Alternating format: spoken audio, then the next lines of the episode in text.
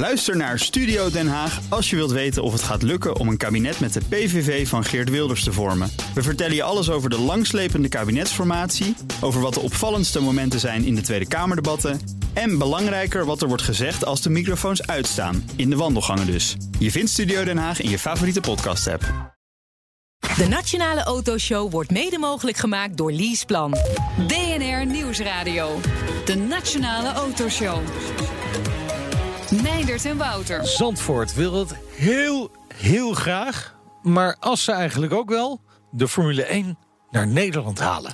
Ja, en dit uur kom je meer te weten over hoe je een Grand Prix organiseert en welk circuit de grootste kans maakt. Ja, mocht je het ook willen naar jouw gemeente halen. Ja, nou, eh, Rotterdam was natuurlijk moment. Ja, straatcircuit. Ja, eh, zou dat eh, ja. mogelijk worden. Ja, volgens mij is dat helemaal fantasie in, Ja. in Nederland. Maar Gaat goed. niet gebeuren. Nee, ook dat gaat niet gebeuren. En of het in Zandvoort of Assen wel gaat gebeuren, ja, dat, dat horen we eigenlijk pas de tweede half uur, hè? Ja, precies. Maar we Ah. kunnen misschien wel al een polletje op Twitter zetten. Ik Kijk even naar onze redacteur. Nou, oh, dit is moeilijk, lastig. Moeten we weer wat doen weer, natuurlijk. Ja, computer opstarten. Maar even polletjes zetten op... op Drink eerst je koffie maar Twitter. even op, hoor. Ja. Eh, of, eh, of eh, Zandvoort of Assen nou de meeste kans maakt. Ja. Daar willen Ja. we graag antwoord op. Ja. Een uur lang alles over het terughalen van de Formule 1 naar Nederland hier op BNR. Meepraten doe je dus ook via... Twitter, ik druk op het knopje. Ah, Ja. dankjewel. Nou staat hij aan. Straks in deel 2 sportadviesbureau Hypercube. Ja, en die heeft speciaal voor ons gekeken naar het, ja, de haalbaarheidsonderzoeken van Zandvoort en Assen. Eh, zijn die plannen reëel eh, of niet? Dat kan natuurlijk ook. Hè? En welk circuit maakt op basis van de plannen de meeste kans? Eh, nee, we krijgen straks de uitkomsten. Ja, maar ja, voordat je het gaat doen, moet je eerst weten hoe je een Formule 1 Grand Prix organiseert. Ja. En in Nederland eh, kan daar eigenlijk vrijwel niemand meer over meepraten. Nee, dat is, eh, die- die, het misschien nog heeft Die meegemaakt. mensen zijn met pensioen. En toen was het ook anders. Ja, dat is tenminste iets wat eh, de Belgen beter doen dan wij. ja. Nou, Namelijk- er zijn meer dingen die ze beter doen hoor. Noem eens wat. Bonbons maken, Ja, restaurants runnen. Gewoon alles wat met eten te maken heeft, doen ze beter. Ja. Belasting op auto's en op arbeid zijn ze ook beter. Woningen hebben ze meer Sowieso hebben ze meer autofabrieken. Ja, oh, ja, ja. Nee, dus wat dat betreft. Spreek je meer Dat is ook zo leuk. Ja, en onze eerste gast is ook uit eh, Vlaanderen. Stijn de Boever, sales director en eventcoördinator van eh, de Spa Grand Prix. Welkom, leuk dat je er Dank bent.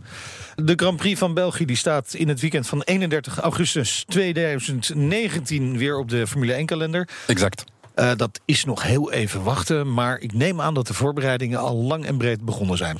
Ja, de voorbereiding start vanaf dat de GP van het jaar ervoor gestopt is. Eh, dan starten we direct zo snel mogelijk met eh, de ticketten te verkopen voor het jaar Ja. nadien.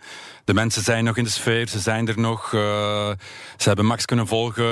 Die heeft het moeilijk de verleden jaren in België. Nou, ja. Maar hij doet het wel echt heel goed in andere landen. De mensen vanaf dat de GP in, in Spa gedaan is, dan reserveren ze zeer snel Ja. op onze website voor de ticketten voor het volgend jaar. Dus het zit eigenlijk alweer vol. We zitten aan 50 50 procent 50% van Oh. voorverkoop. We doen een speciale eh, korting op de prijzen voor Ah, snelverkoop. Ja. Early bird. Ja, ja, ja. Speciaal voor de Nederlanders. Dat vinden wij leuk. Ja, ze begrijpen ons dat wel daar. wel goed. ja, ja. Maar, maar voor mijn gevoel, eh, met hoeveel mensen organiseren jullie eh, dit? Want ik, ik zou denken, je hebt een jaar de tijd. Dan, de- hoeveel mensen? Hoe zit zijn het met vijf. Vijf, oké. Eh, ongeveer vijf uh, hand het jaar door. Eh, we doen ook nog andere dingen hoor. Maar eh, essentieel vijf personen hand het Ja. jaar door. Tot dan een vijf, zes, zevenduizend personen het weekend zelf. Wauw, zo, zoveel. Ja, Ja. ook verkeersregelaars en zo. Wat zijn de meeste mensen Alles. die doen? Alles. Alles. Het is, het is een groot feest. Het is een groot feest. eh, van de helikopter eh, naar de eh, ambulance, naar het hospitaal, naar eh, de, de, de, de- alles moet georganiseerd worden. Eh, de, de mensen die, die, die moeten komen, moeten natuurlijk naar de parking gaan. Ja, eh, daar, daar heb je ook echt veel mensen voor nodig. Ik- Ik ben er vorig jaar geweest met Nout.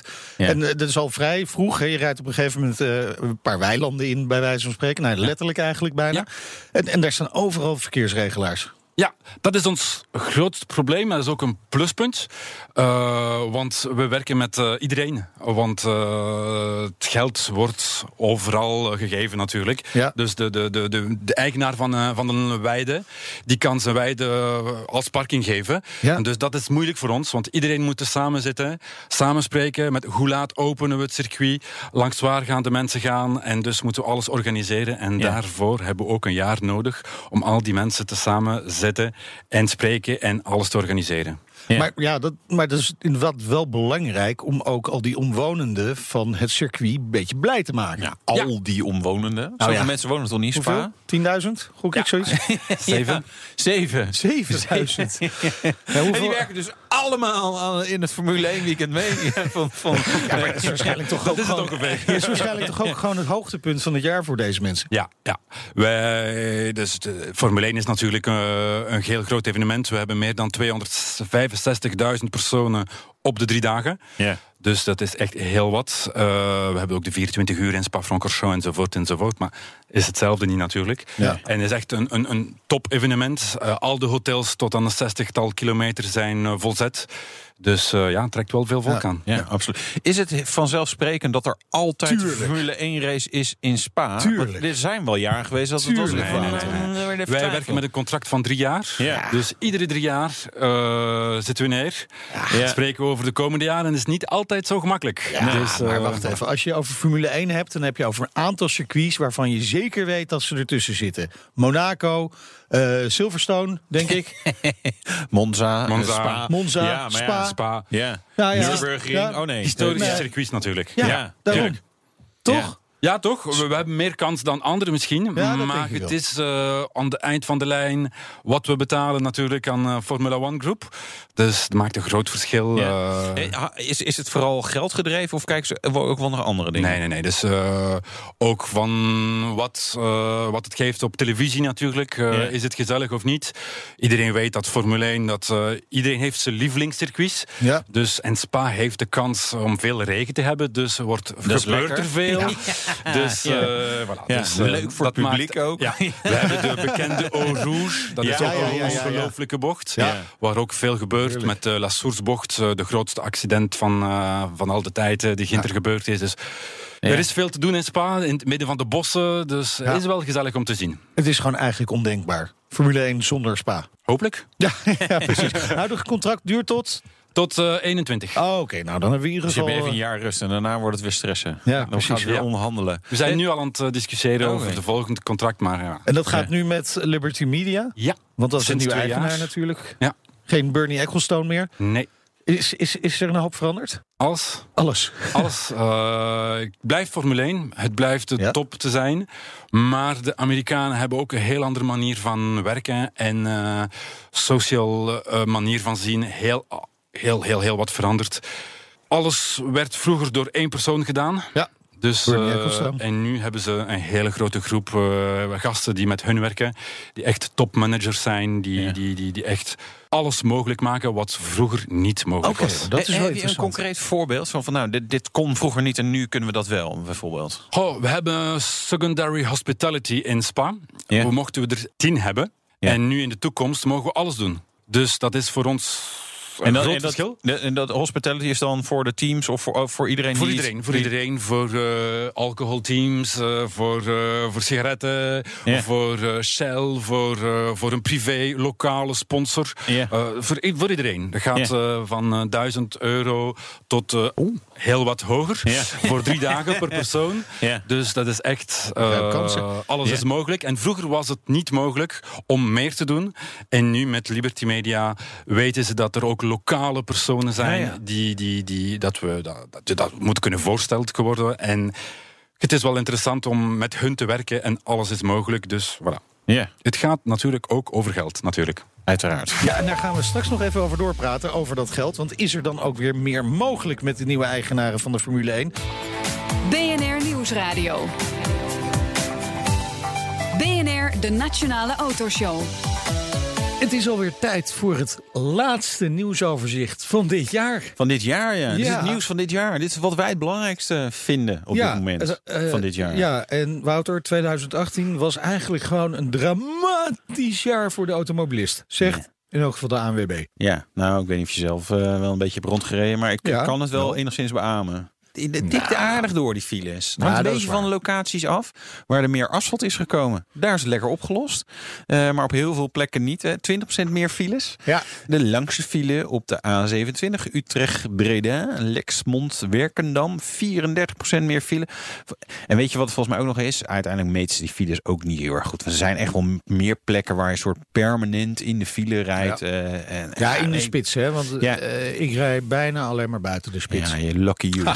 Lekker. Goed gedaan. Ja, En dat doe je niet in een vieze Schumel-diesel. nee, nee. Toch? Ik niet, nee. Nee. Nee. En de andere mensen die denk- denken dat ze ook niet in Schumel-diesel rijden. Die rijden er toch in. Toch stiekem wel. Ja, want Volkswagen heeft gesjoemeld Met de software-update. Ja, van de sorry. Schumel-diesels. Nou, ik, Nou. Wat, Ja, ik wat denk het geval was, is, ja? nou ja, dat ze misschien zelfs niet eens hebben geweten. Maar dat is natuurlijk wel jongen, software complex. Eh, maar goed, wat ze deden, als er een bepaalde hoeveelheid brandstof werd verbruikt, dan werd er die filterfunctie eh, zeg maar wat teruggeschroefd. ja, dat is wel zeg maar echt klassiek eh sjoemelen.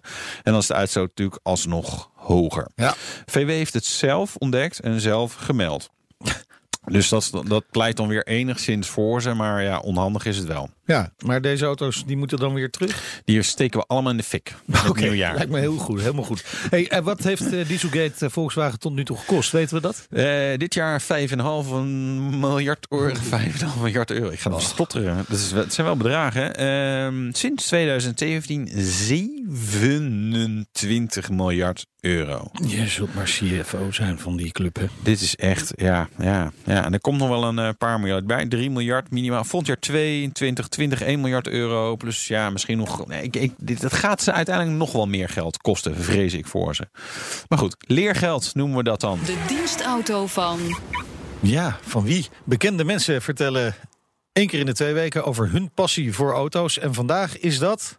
Ja, eh, Rob de Wijk. Ah. Eh, dat is helemaal Nou, had ik niet geraden. Nee, nee, naar mijn omschrijving. Eh, ik zat even mis. Eh, professor internationale betrekking Rob de Wijk, directeur van de Hague Center for Strategic Studies, HCSS. En wat rijdt Rob de Wijk? Ik heb een eh, Porsche Boxster en ik heb een eh, Land Rover Discovery. Oh. Nou, maar eh, na aanleiding van het wagenpark zou ik er wel eerder een dame bij zoeken bij dit soort auto's, toch? Is dat zo? Ja, nou ja, Discovery vind ik eh meisjesmobiel. Wel eh, een hele goede auto. dameskappers. Nee, Ja, kom ja. op. Best, een van de best sturende Porsches die er is, toch? Nou, inderdaad. Toch? Voor dames. nee hoor, een schijntje. Eh, overigens heeft Rob een vakantiehuis in Zuid-Frankrijk. En hij neemt de Porsche maar wat graag mee op reis. Het gaafste is met die Porsche om daar de Route Napoleon in Frankrijk mee te rijden. En dan die enorme bergkammen over te gaan en al die haarspelbochten. Ik bedoel, daar kan ik intens van genieten. Daar is die auto gewoon voor gemaakt. Nou, dat probeer ik één keer per jaar te doen. Dan eh, ga ik naar Frankrijk of Italië en dan neem ik dat ding mee. En dan eh, gaan we de bergen in en dan lekker scheuren door, eh, door de Alpen. Die auto die blijft wel op de weg. En het gaat ook heel hard, althans, dat vind ik. Zijn eigen beleving, eh, natuurlijk. Nee, maar dit, dit is dit natuurlijk is wel leuk. Dit is wat je met zo'n auto moet doen. Hè, Ja. zeg maar, van dat soort reizen maken kan ze in groepsverband kan zelf organiseren. Route Napoleon, maar je hebt ook Route de Crète. En je hebt allemaal hele mooie eh, routes waar je gewoon echt lekker kan sturen. Hebben in Nederland natuurlijk eigenlijk niet. In België al iets Ja. meer, Ja. al iets meer bochten. Maar eh, nee, ja, fantastisch. Hè? Ja. Maar hij heeft dus best wel leuke auto's eh, in de garage staan. Maar er is vast nog wel iets om van te dromen, toch, Rob? Oh ja, zeker. Eh, Dat is een eh eh, Pagani bijvoorbeeld. Dat vind ik dus echt helemaal te gek. Eh, dat soort auto's, daar ben ik helemaal dol op. En, eh, het standaard antwoord is natuurlijk een eh, Aston Martin. Daar heb ik ook wel eens aan gedacht, maar nou... Nee, maar dit is wel echt helemaal te gek, vind ik. Pagani. Pagani. Pagani. Ja, Ja. Pagani zijn maar. Pagani. Pagani. Italianen. Nee, iets Pagani. Ja. Ja. Ik vind het heel mooi, maar ik heb er echt helemaal niks mee Nee? met Pagani. Jij nee. toch liever de Aston Martin dan? Mm, nou ja, nee, ik zat laatst in dat V8 Adventure te kijken. Ja, dus eigenlijk wordt ze wel heel betaalbaar. Het is wel een leuke auto. Zo gewoon Ja, mooi. toch? Ja, Ja. Ja. Jeetje. Nou? Rob is natuurlijk veel in het buitenland. Hè. Hij bezoekt allerlei belangrijke congressen. Dat is eh, hartstikke eh, gaaf. Ja. nee, voor Nee, niet. Het is gaaf. Precies. Saai, hè? Ja, Tijd dus voor gewoon een roadtrip. ultieme roadtrip. Ja, dan zou ik dus niet met de Porsche gaan of met die eh Pagani. Dan zou, dan zou ik dus met, eh, zou ik met de Land Rover gaan. Dan zou ik ehm, de binnenlanden van eh, Rusland eh, in willen. Dat zou ik ontzettend graag eh, willen. En dan echt ja, van de gewone routes af het binnenland in. Dat lijkt me fantastisch. Dat kan niet met die Porsche, kan ik je melden. Tuurlijk wel. Jawel, joh. Dus men- de Russen rijden er ook gewoon Porsches. Maar een beetje ophogen. Grote wielen eronder. Ja. ja. Gewoon even wat eh, op de winterbanden zetten. Heb je wat meer grip? Ja. Nou, ik vind het prima. Heerlijk. BNR Nieuwsradio. BNR, de Nationale Autoshow. Je luistert naar een speciale uitzending over de terugkeer van de Formule 1 naar Nederland. Hoe organiseer je nou een Grand Prix? Dat is de grote vraag die we proberen te beantwoorden. De gast is Stijn de Boever, Sales Director en Event Coördinator van de Spa Grand Prix. Die bestaat sinds 1950 hè, op de Formule 1 kalender. Jullie waren er vroeg bij. Want de eerste, zeg maar, echt Formule 1 kwam. Dat is Ja, 47 even voor de volgens duidelijkheid, mij. ik denk niet dat Stijn de Boever er ook wat bij was. Hè? Mm, was er nog nee, niet. nee, Nee. nee, Sorry, nee, nee, nee, nee. jullie als in organisatie. Eh, Al die jaren eh, altijd geweest eigenlijk? Ja, niet altijd in Spa-Francorchamps, Ja. maar eh 70% ervan wel, ja. Ja, ja, ja. We hadden het net eh, over de centjes. Het Ja. kost een hoop geld. Hè? Wat, wat, wat moet je... Je moet eerst een fee betalen aan eh, de Exact. organisatie van de Formule 1. Ja. Gewoon. Wat, hoe, hoe, wat is dat voor bedrag? Goh, meerdere tientallen miljoenen. Meerdere tientallen. Dus dan komen we boven de 20 uit. Ja, exact. Eh, moeilijk om eh, En onder de exact 100, de, ja. de, de, de, de hoeveelheid te geven, maar ja, het is, komt meer dan 20 miljoen. Ja. Meer dan 20 miljoen. Om de kermis van de Formule 1 naar Ja. uw eigen land te, Ja. te trekken. En eh, België heeft een prijs, eh, Amerika heeft andere prijs. Dus eh, niemand Ah, durft er te veel over te spreken. Nee, precies. Nee. Dus ik wil wel weten soort- wat Nederland eh, moet Ja, geven. ja, maar- hier, wordt- hier wordt geen rekening gehouden met zo'n 20 miljoen euro. Ja. Krijgen jullie niet een leuke heritage-korting? Eh, nee, ik denk het niet. Helaas. En dus, hoe wordt dat bekostigd? Het komt ergens Ja. vandaan, die, eh, de Ja, meerdere dus- tientallen miljoenen. Eh, wij hebben omzet enkel door de tribunes en de ticketten. Ja. Ja. En eh, de hospitality. Dat is het. Al de rest is voor hun. Dus eh, dat maakt dat we geld verliezen ieder jaar. Oké. Direct gezien hebben, verliezen we dus alleen België toch eh 5 miljoen euro ongeveer. Oké. Maar hoe wordt dat dan aangevuld? Ja. En dat wordt aangevuld, aangevuld door de Waalse regio in België. Ja. Zo. Maar eh, we hebben studies gedaan. We maken studies ieder jaar. Ja. Ja. En eh, er is een terugkomst eh, op de investment die ongeveer eh, op een 15 miljoen komt ieder Oh, jaar. Met BTW en, eh, en eh, sociale lasten enzovoort. Op 50 kilometer van de hotels en de mensen die werken voor de Formule 1. Dus ja, ja, ja. er is een terugkomst van meer dan 15 miljoen. Ja, dus het loont. Het loont. De Fransen hebben juist een artikel geschreven. Ze, zij zeggen dat er meer dan 70 miljoen euro terugkomt. ja. Maar dat vind je overdreven. Of- Want je, Het is ja. te zien van hoe dat ze dat gestudeerd hebben, op, op, op wat, welke basis ze rekenen. Maar ja, nee, de, er komt wel Ja. veel geld terug. Het is ook mooie reclame voor een land. Hè? Nee, dus, de- de- ja, dat is, ook, dat is waar. En die 15 miljoen, dat is eigenlijk alleen maar belastinginkomsten. Dus als je het hebt, een ja, hotel... belasting en btw. En ja, is, dus, exact. Dus, dus zeg maar, wat je betaalt voor een hotelkamer is een gedeelte belasting. Dus Ja. je berekent eigenlijk maar dat, alleen maar dat gedeelte Ja. belasting. Dus de, En de personen die werken voor, eh, voor de Formule 1. Ja, Oké. dat is maar het. je kunt dus eigenlijk ook concluderen dat er zonder overheid geen Grand Prix mogelijk is. Nee, privé, ik, eh, ik denk dat er geen Nederland als privé dat organiseert. Het is altijd land die Ja, oké. bijgeeft. ja, dat moet Ah, dus ook ja. gewoon. Moet dus Ja. ook. Ja. Goed. Nou, dat is dus les 1. Ja, les 1. Er moet geld bij. Er moet Eh, geld bij. maar- en er zijn een heleboel regels. Eh, en een van die regels was blijkbaar sponsors. Dat, ja, dat is leuk, maar dat, is voor, eh, dat was niet voor jullie. Nee, dat is voor, eh, voor Formule 1 groep. Ja. En, Dus, Zelfs die lokale sponsors? Nee, dat oké. is iets dat nieuw is sinds Liberty Media. Ja. Is lokale, lokale sponsors die, die hebben dezelfde budgetten niet, like Shell of gelijk wat. Nee, precies. Of Dus, Heineken. of, maar eh, die maar hebben de recht om te leven en er te zijn. En eh, Ja. die zijn er ook. En die hebben nu de mogelijkheid om, eh, om, eh, om sponsorship te doen eh, en eh, niks te doen. Voor heel wat goedkoper. Ja. Dat moet natuurlijk is half voor Formula One groep, Ja, half ja, voor ja. ons. eh, dat is. eh, Ja. ja. En, wa- en, wat, en wat is het dan verschil tussen die, de grote sponsoren zoals eh, Heineken, Rolex, noem ze maar op, hè, die, die we altijd in beeld zien, en die kleinere lokale sponsoren, die, die komen gewoon niet in beeld of veel minder. Ja, die Is- komen is niet dat- in beeld. dat- die zijn in de binnenkant van het circuit. Ja. Die hebben Die mogelijkheid alleen voor de bezoekers dus. alleen voor de bezoekers. Eh, dat is afhankelijk van hoeveel ze betalen natuurlijk ook. Maar, En misschien lokale televisie. Lokale televisie. Die, die, die, die, Ja, dat kan. waarom Ja, niet? ja, ja, ja. Nee, natuurlijk. Ja. Ja. Eh, Hoeveel, eh, die regels, hè? is, dat, is dat een heel, heel, heel, heel dik boek met allemaal regels waar jullie aan Ja, moeten dat is een boek van een duizendtal pagina's. Jeetje. Eh, Waar is dat toch voor nodig? Ja, is het nodig? Is dat zo... eh, Ja, het is nodig, ja? want eh, zij komen met hun regels naar ieder land en ieder land moet hetzelfde organiseren. Ja. Dus zij hebben een basisboek gemaakt van wat moet er gedaan worden eh, Ja. voor hun. Wat, wat voor dingen staan er dan in? Heb je een voorbeeld? Eh, Aantal toiletten per bezoekers. Nee, ja, ja. zie- nee, ja, nee dat- we gaan niet zo ver. Dat is voor ons, voor de promotor zelf. Ja. Maar het ziekenhuis eh, moet, eh, moet, moet iets klaarleggen voor Ja, hun ja, als ja. iets gebeurt. Ja. Eh, de, de, de, de kabels, elektriciteitskabels, eh, waar op welke punten ze liggen, waar onze fanzone is, eh, Ja. hoeveel vierkante meter het is. Alles staat eh, geschreven in een boek, in, eh, in, in, in een contract in feite. Hè? En natuurlijk ook het circuit. Hè, hoe dat eruit moet zien. Eh, of het nog aan de eisen voldoet van de moderne Formule 1 race. Eh, dat doet Spa, neem ik aan. Maar het is toch ook wel een beetje verouderd. Het is verouderd. We Ja. hebben nu een nieuwe CEO-manager in Spa-Francorchamps, Nathalie Maillet.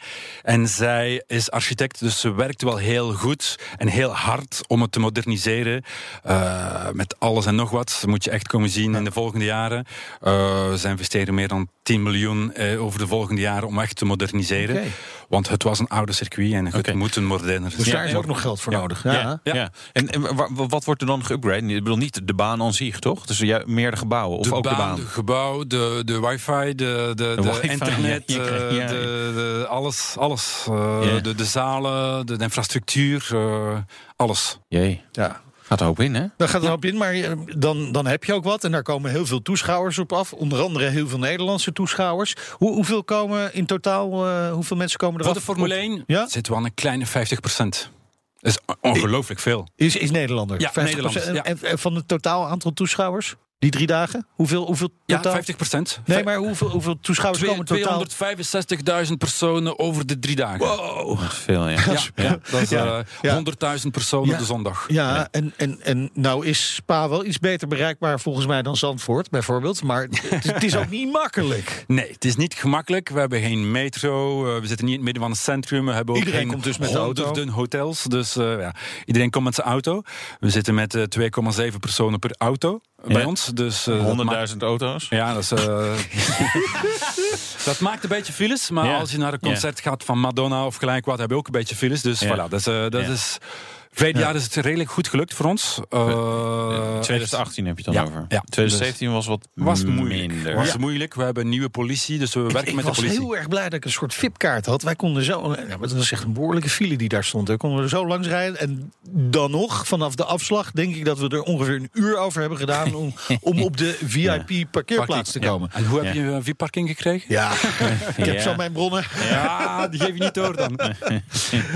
Dus eigenlijk moet je gewoon met, eh, met helikopter komen. Dat is Ja. het makkelijkste. Ja, of kan dat niet? Ja. Dat kan ook. Nee, nee, nee. Het is, eh, zoals je zegt, een uur files is volgens mij voor een evenement zoals Formule 1 in Spa Ja. toch wel doenbaar. Het is Ja. oké, inderdaad. En Ja. je moet- Daar moet je even over hebben. Vroeg vertrekken. Zandvoort ook zal Ja, moeilijk maar- zijn ja, natuurlijk. Maar dat is wel interessant, hè? Want stel nou, we hebben deze uitzending over een mogelijke terugkeer van de Formule 1 naar Nederland. Je Ja. zegt 50% van de toeschouwers in Spa eh, is Nederlander. Sinds dat Max er is, ja. Maken jullie je zorgen dat, dat eh, er misschien minder Nederlanders komen als er een Grand Prix in Nederland komt? ja. Er gaan er niet meer komen, dat is zeker. Welk impact? Ja, je weet het niet als Ja, ik niet, wereldkampioen natuurlijk. wordt. Natuurlijk, ja, ah, we gaan het wel zien. Voor ons... Eh, Nederlanders willen best bezuinigen, maar dit is wel heel leuk. Ja, we, we gaan het zien. We zijn Ja. positief erover. Ja. Dus eh Maar jullie zien het wel als concurrent, mogelijk. is heel dichtbij, hè? Ja. Dus eh, is licht concurrentie, ja. Ligt tuurlijk. concurrent. En, en heb je, zou je nog een voorkeur hebben voor Zandvoort of Assen? Nee, geen Nee. voorkeur. Maakt niet uit. Maakt Allebei niet uit, mooi. allebei mogelijk. Eh, ik denk dat Zandvoort gezellig is en dat volgens hetgeen dat ik hoor meer kans hebt. Ja. Maar als ze Dat zeggen wel- ze zelf. Hè? Dat zeggen ze zelf. dat zeggen ze vaak zelf. Nee, maar jullie gaan niet, mocht dat kunnen, überhaupt een Nederlandse Grand Prix tegenhouden? Nee, Nee, nee dat niet. nooit. Kom nog even een korte vraag eh, t- eh, via Twitter binnen van Ad van der Meer. Die vraagt zich af, wat is de gemiddelde ticketprijs? Eh, we gaan eh, van 25 euro voor kinderen, voor de drie dagen, Ja? Tot uh, voor de tribunes uh, 350 euro, 500 euro. Dat is afhankelijk ja. voor de drie dagen. Okay. Met yeah. de voorverkoop interessant tot aan 8000 euro per persoon voor de top VIP's. Oeh. Yeah. Oh, ja. oh, dat is die tickets die jij gekregen had. nee, nee, nee, ik, ging op, ik, ik, ging, ik, ging op een kinderkaartje. Dat is tot, uh, tot 48 ongeveer, denk ik. Ja, en, uh, en, mensen moeten er snel bij zijn, hè? want de helft van de kaartjes is al uitverkocht. Ja. ja, maar ja, ja nou, snel bij zijn. snel bij zijn. En de Grand Prix van België in Spa-Francorchamps is het weekend van 1 september. Eind augustus. Eind augustus, toch? Eind augustus, ja. 31, 31 en uh, ja, 1 september, zondag 1 september. Ja. Ja, nou, gaaf. Ja. misschien uh, moeten we weer daar naartoe. Het lijkt mij hartstikke goed. Hartelijk dank voor de komst naar de studio en succes met de voorbereidingen. Dank Stijn de Boever, hij is sales director en eventcoördinator van de Spa Grand Prix in Spa-Francorchamps. Ja, zometeen Zandvoort of Assen. Ja, die vraag die hangt natuurlijk nog een beetje boven de markt. Welk circuit maakt volgens sportadviesbureau Hypercube de meeste kans? En je hoort een rijimpressie, heel degelijk, in de nieuwe Volvo ja, iets degelijks doen vandaag. Tot zo. De Nationale Autoshow wordt mede mogelijk gemaakt door Leaseplan. BNR Nieuwsradio. De Nationale Autoshow. Meindert en Wouter. Je luistert naar een speciale uitzending over de mogelijke terugkeer van een Formule 1 Grand Prix in Nederland. En op uh, Twitter staat uh, een poll. Kan je stemmen? Ja. Zandvoort, Assen of uh, geen van beide? En, nee, het is, oh, nee, het is nu weer Zandvoort, Assen. Ja, ja Assen of Zandvoort. En uh, tot nu toe, bij 24 stemmen... Nou, nou, Assen loopt uh, uit, hoor. Ja, 54 procent nou, voor nou, Assen, 46 ja, voor Zandvoort. Ja, maar er kan nog van alles dan een gebeuren. Formule 1 Zo, uh, nou. race straks rijden we ook in een auto die je zeker niet terug zal vinden op het circuit. De Volvo V60. En verwacht geen spannende slipmomentjes. De auto is vooral een stuk comfortabeler dan de vorige. Ja. Uh, oh, sorry. Wat, wat, nee, nee, nee, waar we het over? Ja, ja. Nou ja, als je gewoon de, de Was de pilot fijn, assist ja, aanzet, dan, helemaal dan niks uh, meer te doen. inderdaad wel een ditje doen. Ja? Als je het stuur maar vasthouden. vasthouden. En, en hij stuurt zelf nee, wel nee, dit adviseren we niet, hè? Nee, nee. Dat, zo, dat zouden wij nooit adviseren. Zeker niet. Nee, maar wel echt veel beter dan de vorige. Ja? Zullen we het straks over hebben. Ja, ja? Heb je een vraag? Wil je meepraten? Wil je uh, stemmen op de poll? Dat kan via Twitter, hè? Oh, dacht ik, je hebt het knopje gedrukt. Ja, ik druk op het BNR Autoshow. Ja. Uh, een heel jaar lang wordt er al over gepraat. Ook in onze show hè, komt Formule 1 nou terug naar Nederland. En zo ja, waar? Zandvoort wil het, Assen wil het ook heel graag. Wie, oh wie moet het worden? Daarover gaan we dit half uur praten met uh, Pieter Nieuwenhuis. Hij is directeur van het gerenommeerde, kunnen we wel zeggen, sportadviesbureau Hypercube. Welkom in de uitzending. Dankjewel. Fijn dat je er bent. Uh, voor de goede orde, Hypercube is op dit moment in elk geval niet betrokken bij welk plan dan ook. Hè? Helemaal juist. Ja, compleet onafhankelijk. ja, dus. compleet onafhankelijk. Anders kunnen we niks zeggen. Nee, nee precies. Waar, ja. Nou, misschien dat dat na vandaag nog verandert, maar speciaal voor ons heb je de houdbaarheids... worden je potentieel helemaal niet meer gebeld. Nee, precies. De, de houdbaarheidsonderzoeken van beide circuits uh, bestudeerd. En was het uh, fijn leesvoer? Nou, de, er was een kwaliteitsverschil in de rapporten. Ik vond het, okay. uh, het rapport wat uh, voor Zandvoort samengesteld is diepgravender en evenwichtiger. Wat niet wil zeggen dat de kans daardoor voor uh, Zandvoort groter geworden is dan, Ja. uh, dan voor Assen. Ja. Assen, dat leek mij wat, wat sneller in elkaar gezet. Daar werd wat minder rekening gehouden met begrippen als verdringingseffecten. Ja. Als jij namelijk iets moois organiseert in een dichtbevolkt gebied, Ja. dan zijn die etablissementen over het algemeen vrij goed gevuld. Ja. En of je er dan iets anders nog overheen legt, dat maakt die be- bezettingsgraad wel wat hoger. Maar voor een deel verdringt Ja. dat dan andere gasten die anders gekomen zouden zijn. ja, andere gasten in Assen. Dat is natuurlijk, eh, in Zandvoort heb je daar meer last van. Daarom. Dus het economische effect, het economische effect in Assen is natuurlijk wat dat betreft wat gunstiger. Ja. Omdat daar eh, Ja, van nee. nature minder is. Ja. Eh, van de andere kant de geschiedenis van de, van de autosport, en daar kun je toch niet aan voorbij gaan. Die ligt eh, in de duinen. Ja. Ja. Daar zijn evenementen geweest. Ook Ja. de netwerken in de autosportwereld zijn natuurlijk eh, meer aan Zandvoort gegund dan de netwerken eh, in het Assense. Assen heeft zijn netwerken natuurlijk in de motorsport, in de Motor Ja. Grand Prix wereld. En heeft daar ook eh, significante praktijkervaring met het verwerken van enorme hoeveelheden bezoekers. Ja. 130.000 mensen die gewoon al meer dan 20 jaar lang eh, het Assense vinden en daar ook eh, een Ja. aangenaam Ja, maar als we net horen, uh, als er een Grand Prix komen, moet je, moet je rekening houden misschien wel met het dubbele aantal. Dat zou zomaar kunnen. En ik denk dat wanneer die aantallen echt verder gaan oplopen, de, positie, de relatieve positie van Assen beter wordt. Ja. Ja, ja. Want Zandvoort ligt al uh, op apengapen bij uh, hoge volumes. Ja, maar ja, aan de andere kant uh, ligt Zandvoort natuurlijk wel vlakbij Amsterdam, dat ook een grote zeker. aantrekkingskracht heeft. Ja. En, en een grote luchthaven, Schiphol. Ja, wat, wat Amsterdam ook meebrengt, eh, en dat geldt niet alleen voor Amsterdam, maar ook voor andere delen van West-Nederland, is natuurlijk een hotelcapaciteit. Ja. Die uiteindelijk voor eh, met name ook het topsegment eh, in veel grotere hoeveelheden beschikbaar zijn dan in Assen en wijdere omstreken. Zelfs wanneer je Zwolle Groningen erbij optelt, krijg je nog niet een, een fractie van eh, de hotelcapaciteit die je in, het, eh, in het westen van Nederland Nee. zit. Zijn dat de belangrijkste minpunten voor, eh, voor Zandvoort? Nou, Wat, het, het feit dat het logistiek lastig is? Nou, kijk, eerst moeten we nog één stapje naar achter doen. Wij Nederlanders slagen er altijd in om in zo'n situatie dan eens eerst nog eens een onderlinge wedstrijd te gaan spelen. Ja. Ja. Met het effect daarvan dat beiden denken: ja, ik moet wel zeker weten dat ik het word. Dus de hand blijft op de knip. Dus de toeschietelijkheid en de ruiterlijkheid waarmee op een gegeven moment men dat heel graag wil hebben, Ja. die is in Nederland altijd wat gedimd. Ja. Wij zijn daar Je, je eigenlijk vindt niet zo goed in. onverstandig, begrijp ik. Ja, eigenlijk is het raar dat je met twee dorpen 100 kilometer uit elkaar probeert een wereldevenement naar ons land te halen. ja, dat zou eigenlijk gewoon al van tevoren geregeld moeten zijn. Het probleem is alleen dat moeder natuur Assen al dat ding gegeven heeft. En wij ook de geschiedenis van Zandvoort kennen. Dus daar zijn twee circuits. Ja. Maar eigenlijk zou je vrij vroeg in die wedstrijd een keuze moeten maken waar je het wil hebben. En dan Ja. alle energie mobiliseren. Ja. Want ook in Den Haag kan men nu geen keuze maken om iets heel erg Nee. belangrijk of mooi te vinden. Maar, maar wie, moet Want die immers dan keuze, geeft men een voorkeur. wie moet die keuze dan maken? Dat is een beetje lastig. Nou, uiteindelijk is het zo dat we natuurlijk we te maken hebben met de VIA en met Liberty. Ja. Dat zijn de grote instanties die daar natuurlijk toch wel wat invloed hebben uitoefenen. En, en eh, waar de lijnen naartoe lopen.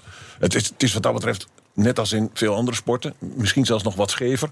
Dat de machtspositie van dit soort instituties heel erg groot is. Ja. Je moet maar accepteren dat je 20 miljoen euro per jaar moet betalen. En dan ook nog eens een keer met een jaarlijkse indexatie van 7,5 procent. Onder het motto van het moet toch vooral niet in het local organization gebeuren, veel verdiend worden. Nee. Dat komt ons toe. Ja. En, en dat is een, een, eh, is zeer ongezonde dat- situatie. Dat is wel beter geworden sinds het Liberty Media is, toch? Of, of valt dat... Nou, dat is nee. een beetje mijn indruk. Kijk, als je, als je eh, naar andere sporten kijkt. Ja. In de tenniswereld hebben we in 92 gezien dat de ATP ontstaan is. En dat die tennissers dus toen een veel grotere hap uit de koek genomen hebben. En die toernooiorganisaties min of meer eh, weerstand geboden hebben. En ook een machtspositie opgebouwd hebben. bij het verkrijgen van een betere verdeling van de gelden. Ja. Eh, als je naar voetbalcompetities kijkt, dan zie je over het algemeen toch dat clubs en spelers een, substantieel groter deel ophalen dan de league-organisaties. Ja. In Nederland heeft de Eredivisie niet een grote winstdoelstelling voor zichzelf. Je hebt natuurlijk ook uitzonderingen zoals het FIFA Wereldkampioenschap. Ja. Waarbij ook malote eisen gesteld worden en ook sprake is van een ontwrichte democratie. Maar als we in bredere zin kijken naar het sporten, dan zie je dat het in eh, de voetbalwereld over het algemeen Ja. beter geregeld is. In de en tenniswereld goed 1 geregeld. is, eh, En de Formule 1 die lijkt nog het meeste op de wielerwereld. En die organisatie heet niet toevallig ASO. nee, dat klopt, ja. Dan Daar is, wordt ook een disproportioneel deel van de, Ja. van de opbrengst eh, gecentraliseerd Ja. naar die club. maar dan is dus echt maar de vraag: moeten we dit überhaupt wel willen? Is het interessant? We hadden net ook de, de, een van de organisatoren van de eh, Grand Prix van Spa-Francorchamps in de uitzending. Die zegt ook: ja, overheid moet gewoon geld bijleggen, want anders redden we het niet. Nee, maar goed, dat, ook dat is natuurlijk geen, geen nieuw fenomeen. Topsportaccommodaties kosten geld. Ja. En eh, wij hebben in onze praktijk veel gedaan voor voetbalclubs. Ja. Er is nu net eh, aanstaande besluitvorming in Leeuwarden over een nieuw stadion voor Cambuur. Dat Ja. stadion kost 30 miljoen. Wordt nou. ingebed in een veel groter Nou, complex. kunnen we, voor, kunnen we ook wel 5 miljoen in, eh, in Formule 1 gooien. Nee, maar als- goed. als, eh, Het, het verhaal daar is Ja. dat die, die 30 miljoen wordt ingebad in een stedenbouwkundig ontwikkelingsprogramma. Ja. Er rondomheen op het World Trade Center. Ja. En in dat World Trade Center wordt licentie gegeven aan partijen voor commerciële activiteiten. Onder de randvoorwaarde dat ze bijdragen aan de onrendabele top van zo'n voetbalstadion. Het effect daarvan is dat 20 miljoen fond perdu uit de commercie komt Ja. naar het stadion. Waardoor voor Cambuur alleen nog maar de financieringsprogramma's over 10 miljoen gaan en niet meer over 30. En, en kan dit model ook op zo'n Formule 1 Grand Prix in Nou, Nederland gelegd worden? Dan heb je natuurlijk het vraagstuk: wat voor partijen willen zich in de buurt van zo'n stadion vestigen? Dat is bij voetbal prima geregeld.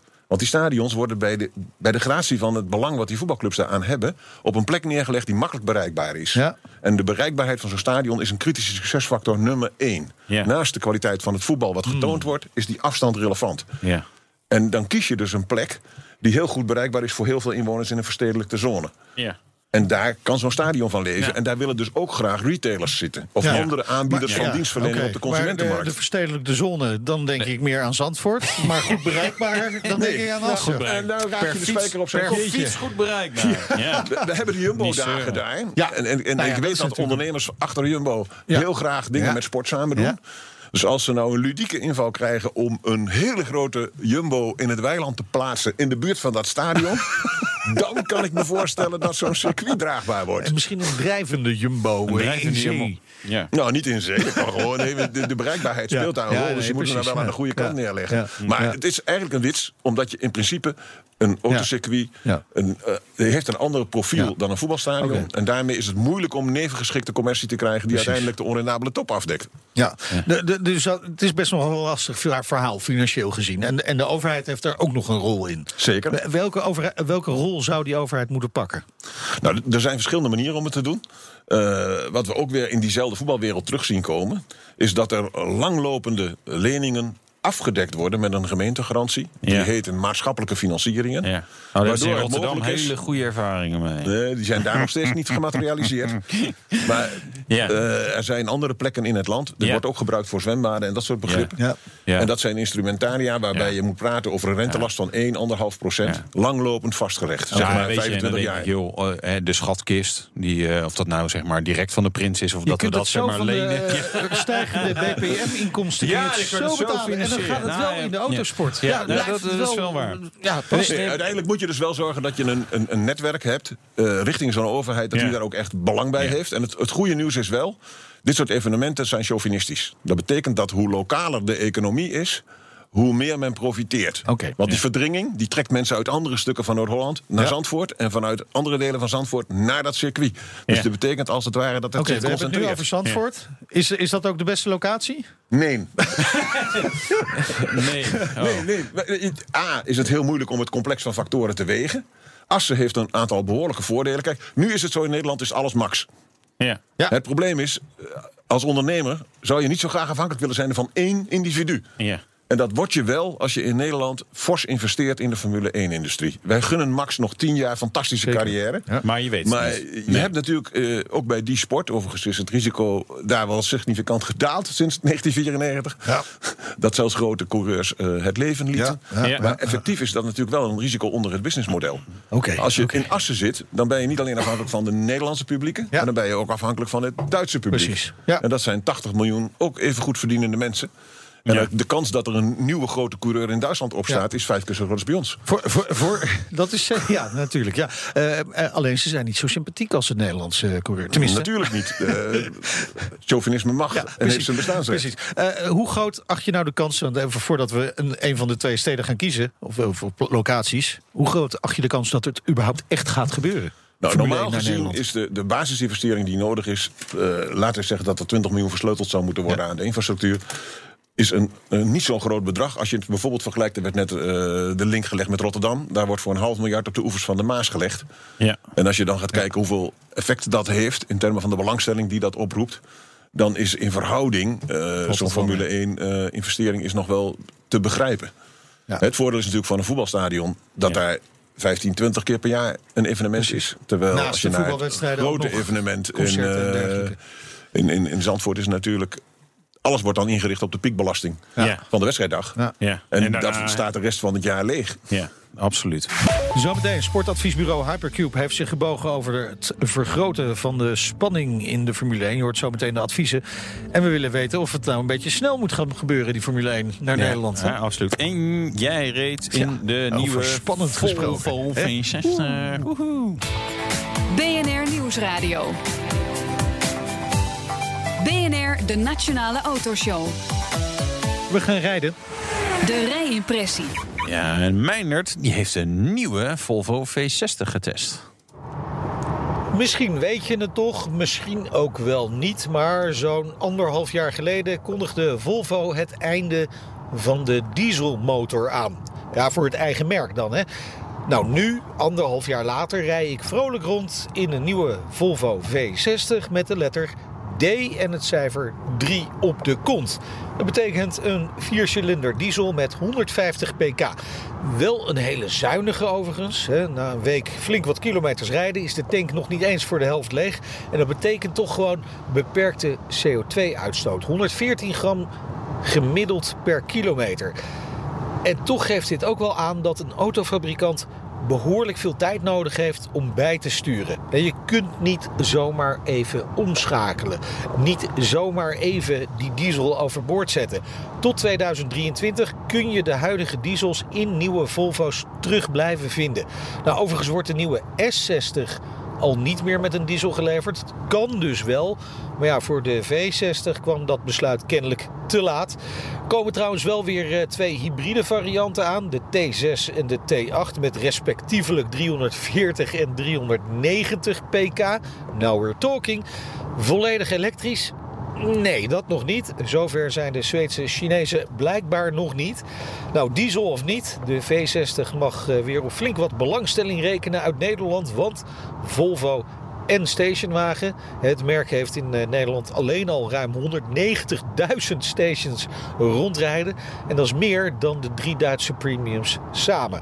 Nou, een belangrijke auto dus voor de Nederlandse markt. Helemaal omdat de V70 uit productie is genomen. En de nieuwe V60 dat gat dus deels moet gaan opvullen. Goed dus dat hij een stuk ruimer is dan zijn voorganger. Want ja, die was van binnen toch iets wat krap bemeten. Door het nieuwe platform het SPA-platform, waar ook de V90, XC90 en de XC60 op gebouwd worden, was het mogelijk om de wielbasis van deze V60 met 10 centimeter te vergroten ten opzichte van zijn voorganger. En daar komt niet alleen de ruimte in de auto ten goede, maar ook het rijgedrag.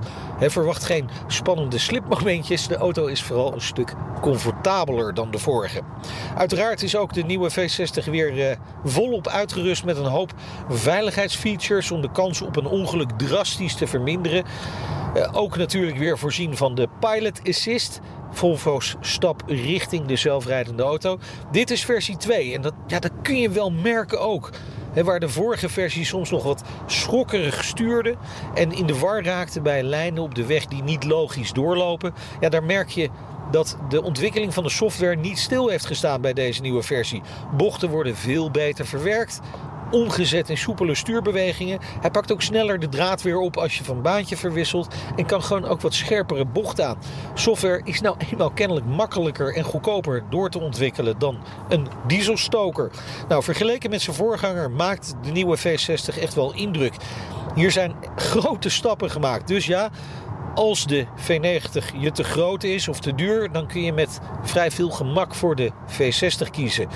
Je moet even twee keer met je ogen knipperen om het verschil te zien. En hij is gewoon een stuk zachter voor de portemonnee. Ja, de Volvo V60. Lekker dieselen. Lekker dieselen, lekker kilometers vreten. Ja. Hè? Heb je gedaan? Ik heb wel aardige kilometers, maar dat vond ik ook wel grappig. Dat hij is ook wel echt, echt zuinig. Ja? Ja, ik hoef er niet veel te tanken na een week uh, brommen. Ja, goed zo. Dus, ja. En een grote vooruitgang. Ja, vind ik. Nou ja, vind, ik vind die, ja. De vorige is wel. Uh, die was ja, echt, was, echt ja, die was wel. klein. En, Ja, het klein. Ja. ja, klopt. Dat is waar. Kost de nieuwe looks. Eh, vanaf net geen 44.000 euro. Euro, jeetje. Ja. En natuurlijk gewoon 22% bijtelling tegenwoordig hè, op al die Volvo's. ja, dat gaat dat is een USP eh, dat ze vroeger hadden. Lage bijtelling voor de V60 plug-in. Ja, dat is allemaal niet meer. hè. Nee. En dat levert het eindoordeel op. Helaas. Twee cilinders te weinig. Ja, nou had Volvo hiervoor natuurlijk de vijf cilinders. En zes, ja, één zescilinder. De Ja, dat T6 is was waar. een Ja, zescilinder. ja, Ja, een vijfcilinder diesel waren wel mooie Ja, dat blokken. was hele mooie blokken. Maar ja, het allemaal weer gewoon simpel en eh, ja, eh, saai worden. Vier cilinders. Ja. Bah. BNR Nieuwsradio. De Nationale Autoshow. We praten over de terugkomst van de Formule 1 naar Nederland. De gast is eh, Pieter Nieuwenhuis, directeur van sportadvies Hypercube. Sportadviesbureau moet ik zeggen, Hypercube. En we hebben natuurlijk op eh, Twitter onze prachtige, Prachtige poll staan. Oh, ze staan Wat moet het worden? Nee, volgens mij staat Zandvoort inmiddels voor. Oh, oké. Heeft er- Maar ja. Hebben ze in Assen even... eh, Zandvoort- 54% zegt eh, eh, Zandvoort Oh, inmiddels. Nou, ja. Wat kost het om een eh, Formule 1 race eh, te organiseren? Nou, heel belangrijk is de Wat levert afdracht. het op? Nee, ja, ja. nee, heel belangrijk is de afdracht aan de, aan de koepelorganisaties. Je bent voor 20 miljoen aan de beurt. Minimaal. En dat ja. is alleen een afdracht eh, waar je het recht op hebt dat over te boeken naar de bankrekening van deze heren. Ja. En het, daar moet je maar zien dat je dat uit de overige activiteiten weer terugverdient. Ja. Dus dat is een jaarlijks terugkerend effect. En bovendien hebben ze daar ook nog een indexatie op gezet. Ja. Ja. Dus dat, dat is iets wat een behoorlijke hap neemt op de kans op, uit, uit de kans op succes. ja. En je kunt dat compenseren, want het is zo dat de gemiddelde autoliefhebber buitengewoon veel geld over heeft om aanwezig te kunnen zijn bij dit soort races. Het is natuurlijk een eenmalig evenement per jaar, dus mensen kunnen Ja. daarvoor sparen Ja. en dan zeggen ik wil daarbij zijn. En dat doen ze dan ook. Dus die prijsjes die zijn aanzienlijk hoger dan van bijvoorbeeld een, voetbalbezoek, een voetbalwedstrijd te bezoeken. Ja. En eh, daarmee kun je dus behoorlijk wat terugverdienen. Ja. Maar die cases liggen allemaal rond de nul. En dat wordt gestuurd vanuit zo'n centrale organisatie. Ja. En het probleem waarmee je dan aan de voorkant komt te zitten... is dat er een investering gedaan moet worden... om het circuit te laten voldoen aan alle eigenschappen... die daar vandaag de dag aan gesteld worden. Ja, en wat kost het om Zandvoort een beetje op de kalefaat? Ja, je, je hoort daar verschillende begrotingen over. Er zijn mensen die laten dat oplopen van 5 tot misschien wel 10 à 20 miljoen. Het heeft er ook mee te maken wat dan specifiek aan de orde is... weer voorafgaand aan het seizoen wat komt. In 2020 willen ze daar voor het eerst weer rijden. Ja. Dus dan krijg je een stevig debat met de, de moederorganisaties... over de eigenschappen waaraan het circuit moet voldoen. En een stuk van die keuringen zijn al geweest... want anders hadden ze überhaupt niet op de kandidatenlijst gestaan. Er is iets met een bocht aan de hand waar nog wat aan moet gebeuren... zoals dat dan heet. Beetje asfalt erbij. Ja. Ja, ehm, eh, maar wat er niet hoeft te gebeuren is dat er voldoende hotels natuurlijk in de omgeving zijn van Zandvoort. En daar, daar zit met Assen. Je gaat niet een enorm luxe hotel bouwen voor één Nee. evenement in het Nee, maar jaar. dat is helder. Als je praat over uitgangspunten en voor- en nadelen... dan is het natuurlijk zo dat de hotelaccommodaties in de buurt van Amsterdam... dat is heel duidelijk. wijd opzicht Ja. eh, ten, ten gunste van Zandvoort Ja, pleiten. een voordeel voor Assen is natuurlijk de bereikbaarheid. Ja. Hè? Eh, er zijn nog andere voordelen te bedenken waar, waar Assen echt zwaar in het voordeel is. Waarvan ik denk, we hadden het erover, overheid moet investeren Ja. eigenlijk. Hè? Moet meedoen om een Formule 1 Grand Prix mogelijk te maken. Nou, denk ik eerlijk gezegd, in deze omgeving, Noord-Holland, lijkt me best lastig. Dat ben ik helemaal met jullie eens. De kans dat er in Noord-Holland grofstoffelijk de, de knip open gaat... eh, voor de infrastructuur van zo'n hyper eh, dure, luxe of een grote instantie... is niet zo verschrikkelijk groot. Ja, dat, maar het is wel eigendom van een prins. Dat pleit te, te, hè, dat zal, dat zal zeg maar sommige mensen juist tegen de borst uit. En anderen eh, opent ook weer allerlei deuren. Dat, zou, dat zou kunnen. Ja. Dat, dat is ook een reden om te zeggen dat je niet weet wie het uiteindelijk gaat worden. Want die Nee. circuits, het zijn uiteindelijk een paar mensen die de beslissing maken. Ja. En daar wordt dan uiteindelijk eh, de keuze gestuurd. Maar- maar- en dat zijn individuele eh, besluitvormingsafwegingen die we, die wij nooit zullen kennen. Nee, maar denk je dat, dat overheden eh, rondom Assen staan te springen om wel Ja, te ik, investeren? denk, ik denk dat het logischer is dat een, een provinciale overheid in Oost-Nederland zegt: wij gaan hier volop in omdat de effecten daar natuurlijk, daar hebben we het in het begin over gehad, in Ja. termen van verdringing. Er is niet zoveel te verdringen aan activiteiten in de provincie Assen of in de provincie Drenthe. Dus daar, daar komt het echt Maar, add-on. maar, maar zie je dat nu al dan in de Oost-Nederland bij, bij andere sportaccommodaties? Nou, het, eh, ik kan een simpel voorbeeld geven Ja. uit de voetbalwereld. Wij kijken naar Almelo. Stad met 70.000 Het inwoners. licht staat op rood, het licht staat op groen. Exact. Dus als In jij in Almelo van je geld af wilt, heb je precies één keus. En Ja. dat is de lokale voetbalclub Heracles. Ja. En als je dan ziet dat zo'n stad van 70.000 in het linkerrijtje van de Eredivisie staat... ja, dat doen ze toch goed. dan is dat, is dat uitgelegd. Omdat Ja, daar ja, alles ja. en iedereen zich daarachter opstelt. Omdat er gewoon niemand anders een concurrerende initiatieven... op die entertainmentmarkt neer gaat zetten in Almelo. Ja. Daar denk je wel drie keer over na. Nou zitten onze twitteraars eh, op dit moment op Zandvoort met 55% Maar eh, als jij die keuze zou moeten maken, wat zou het dan worden? Ik denk dat als je eh, echt kijkt vanuit sporteconomisch belang... Ja. dat de kans op succes uiteindelijk groter is in Assen. En dat heeft zijn herkomst in het feit dat dat al een internationaal evenement herbergt van 130.000 mensen. De terugverdiencapaciteit is daar groter. En waar je ook rekening mee moet houden... is dat wij met z'n allen allemaal van max dromen... en nog vele Ja. jaren met grote carrières. Maar als je naar een investeringstermijn kijkt... die gemoeid gaat met het aanpassen van dit soort infrastructuren... dan is de kans op de langere termijn... dat je ook afhankelijk wordt van buiten Nederland gevestigde sportliefhebbers Ja. groot. En die zijn makkelijker te accommoderen in Assen dan in Dus Zandvoort. Zandvoort. Zet hem in de kant, agenda. Die Duitsers die weten Zandvoort ook wel te vinden om hun kuilen te graven. hè? Ja. Absoluut. Zeker, zeker, zeker. We, we- Absoluut. we- we hadden ook beloofd om het eh, te hebben over spanning in de Formule 1. Want het is natuurlijk eigenlijk heel saai om naar Ja, te kijken. het is, nee, maar het is ook voor de, voor de consumenten die zeg maar volgen wie wordt aan wereldkampioen. welke Ja. wedstrijd. Nee, maar wie wordt er wereldkampioen? Hamilton wordt volgend We jaar hebben weer een seizoen dat begint in, eh, in maart. En dan is het ergens, heeft het in de zomer een korte break. En in de, in de zomerbreak weten we eigenlijk alles al. Ja. We weten wie de wereldkampioen wordt. En we weten wie er eh, de kanshebbers zijn om de constructeurstitels binnen te halen. Dat dat ligt allemaal vast. En Ja. daarna, de tweede helft van het seizoen, gaat het eigenlijk alleen maar over het voorbereiden op het nieuwe seizoen. Ja. En wie krijgt welk stoeltje. Ja. ja, en wie rijdt wie eraf? Nog Dus, even. dus Ja. wat je zou kunnen doen, dat is dan wel is, wat je zou kunnen doen is eh, sleutelen aan het systeem. Ja. Bijvoorbeeld zeggen van joh, ik ga de eerste helft van het seizoen spelen vanaf augustus, net als in de voetbalwereld. Ja. Zodat met kerst nog niet alles duidelijk is, want de majoriteit van de races die komt daarna past. Oké. Dus als we in maart dan kijken en we gaan doorlopen, en dan heb je ook de maanden juni, juli, augustus, waar je geen concurrentie hebt van het voetballen. In, in, eh, waarop je ontknoping zich manifesteert. Ja. En dan zijn er ook Maar nog dat was wat nu eigenlijk ook bijna zo. Ja, maar, maar- nou, je kunt, ja, maar je kunt ook nog sleutelen aan, aan het puntensysteem. Men Ja. heeft nu een puntensysteem met elke race 25 punten voor de winnaar, 18 voor nummer 2 enzovoort. En dat telt door, waardoor op een gegeven moment de kans op een verrassing snel kleiner wordt. Als je het zo zou doen, zoals bijvoorbeeld in de tenniswereld, dat je kwaliteiten van toernooien hebt. Waarbij afhankelijk van de omvang van je evenement het aantal punten wat je kunt verdienen groter wordt. En je zou dan zorgen dat die grote evenementen gesitueerd zijn aan het eind van je seizoen. Ja. Dus in dit geval mei, juni, juli, augustus. Dan kun je zorgen dat de besluitvorming van wie wordt kampioen. en dus de reden ja. voor mensen om te willen kijken. later maar je geeft dan een handicap aan een, aan een circuit bijvoorbeeld. Ja, nou, je, ge- je geeft de circuits de kans om op die kalender hun keuzes te Ja, maken. ja. Daar komt ook nog een economisch systeem overheen. Maar uiteindelijk, uiteindelijk i- is Mercedes op dit moment gewoon op bijna alle circuits de snelste. Ja. Hè, eh, Als je lange rechte stukken hebt, dan, Nou, wat, dan wat is het gewoon Mercedes dat wel steeds meer doen, is zorgen dat er randvoorwaarden in technische zin worden uitgesproken om die kansvoordelen in elk geval kleiner te maken. Zodat het mogelijk wordt dat niet iedere keer dezelfde auto's vooraan eindigen. Dat lukt niet voor welke zijn de eerste zes. Daarachter zit natuurlijk wel wat alternering. En je zou eigenlijk liever willen dat het anders is. Maar je kunt niet naar een model toe met een, een Formule BMW of zoiets dergelijks. Omdat je dan natuurlijk de economische trekkracht van al die fabrikanten en motorenontwikkelaars. Die hebben daar gewoon geen interesse in. Hoewel nee. je dat soort verhalen nu wel hoort. Hè? Om, om het budget te beperken bijvoorbeeld. Ja, maar ik denk dat die trekkracht van die grote fabrikanten wel echt heel belangrijk is voor de, voor de autosport. En ik denk dat een ander ideetje wat iemand mij aan de hand deed is: je zou kunnen overwegen om bijvoorbeeld ook al punten te verdelen na de eerste 10 of 15 ronden. En het effect daarvan is dat mensen kunnen zeggen: van, nou, dan rijd ik met een niet zo volle tank weg, ben ik een klein team. En dan pak ik toch in elk geval iets. En de grote teams kunnen zich dat niet permitteren, want die zijn uiteindelijk afhankelijk van Ja. de punten aan de Het zou zomaar spannender kunnen worden. In ieder geval, ik hoop dat ze geluisterd hebben bij de Formule 1.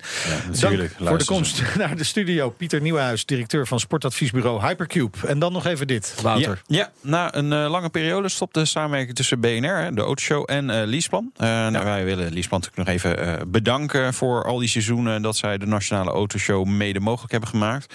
En volgend jaar gaan we gewoon weer door. Wij komen in elk geval Gewoon weer terug. terug. En dan gaan we het hebben over olie. Jawel. Ja, lekker. Dit was de Nationale Autoshow voor deze week. Luisteren, eh, terugluisteren kan via de site, app, iTunes of Spotify. Tips of vragen? Mailen maar autoshow.bnr.nl. Ik ben Meijnerd Schut. En ik ben Wouter Karsen. Tot volgende week. En volgend jaar. De Nationale Autoshow wordt mede mogelijk gemaakt door Leaseplan.